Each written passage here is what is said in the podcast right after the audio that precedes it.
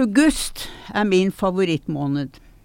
Mange mener den er vemodig og varsler høst og mørketid. Jeg ser lys på august, jeg.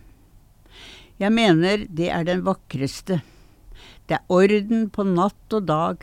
Naturen har skygge, farver og lukter. Det er frukt i haver, bær og sopp i skogen. Og folk er på plass igjen. Det er normal trafikk i byen. Den lever igjen.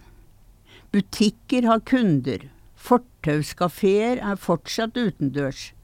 Og ansiktene er mildere og vakrere etter sommer og ferie. Og om det blir en liten varmebølge, gjør ikke det noe, for mørke netter kjører ned. Det er genservær. Dessuten er det altså valgkamp hvert annet år.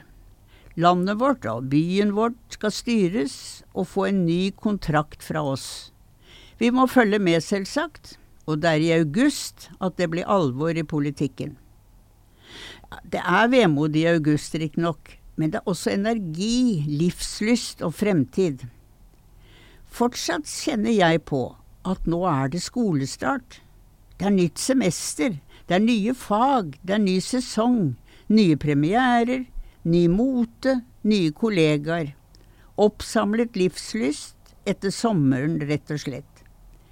De av oss som ikke lenger lever i produktivt arbeid, ikke skal begynne på studier og skole, vi blir smittet av energi, vi også. Hva med å ta et språkkurs, hva med en ny studiering, melde seg på konsertserier osv., osv. Dette tenker vi på som augustlevende mennesker også vi i alderdommen.